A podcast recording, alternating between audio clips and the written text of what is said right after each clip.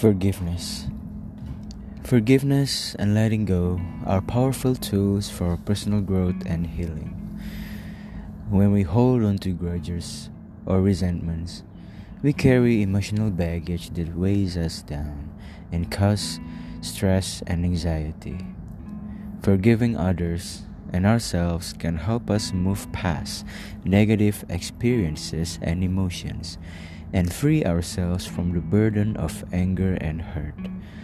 Letting go means releasing our grip on the past and accepting that we cannot change what has already happened. By practicing forgiveness and letting go, we can create space for positive experiences and relationships in our lives. Ya, itu dalam bahasa Inggris.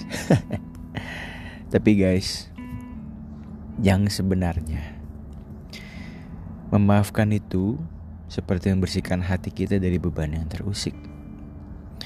Seperti angin yang mengusir awan kelabu, kita membebaskan diri dari kesedihan dan rasa sakit. Memaafkan juga adalah tentang memberi diri kita kesempatan untuk dapat tumbuh dan belajar, serta membuka pintu bagi hubungan yang lebih positif dan penuh makna. Dengan memaafkan, kita memilih untuk merangkul kedamaian dan kebahagiaan, bukan membiarkan dendam dan kebencian menguasai hidup kita. Jadi, sudah siapkah memaafkan?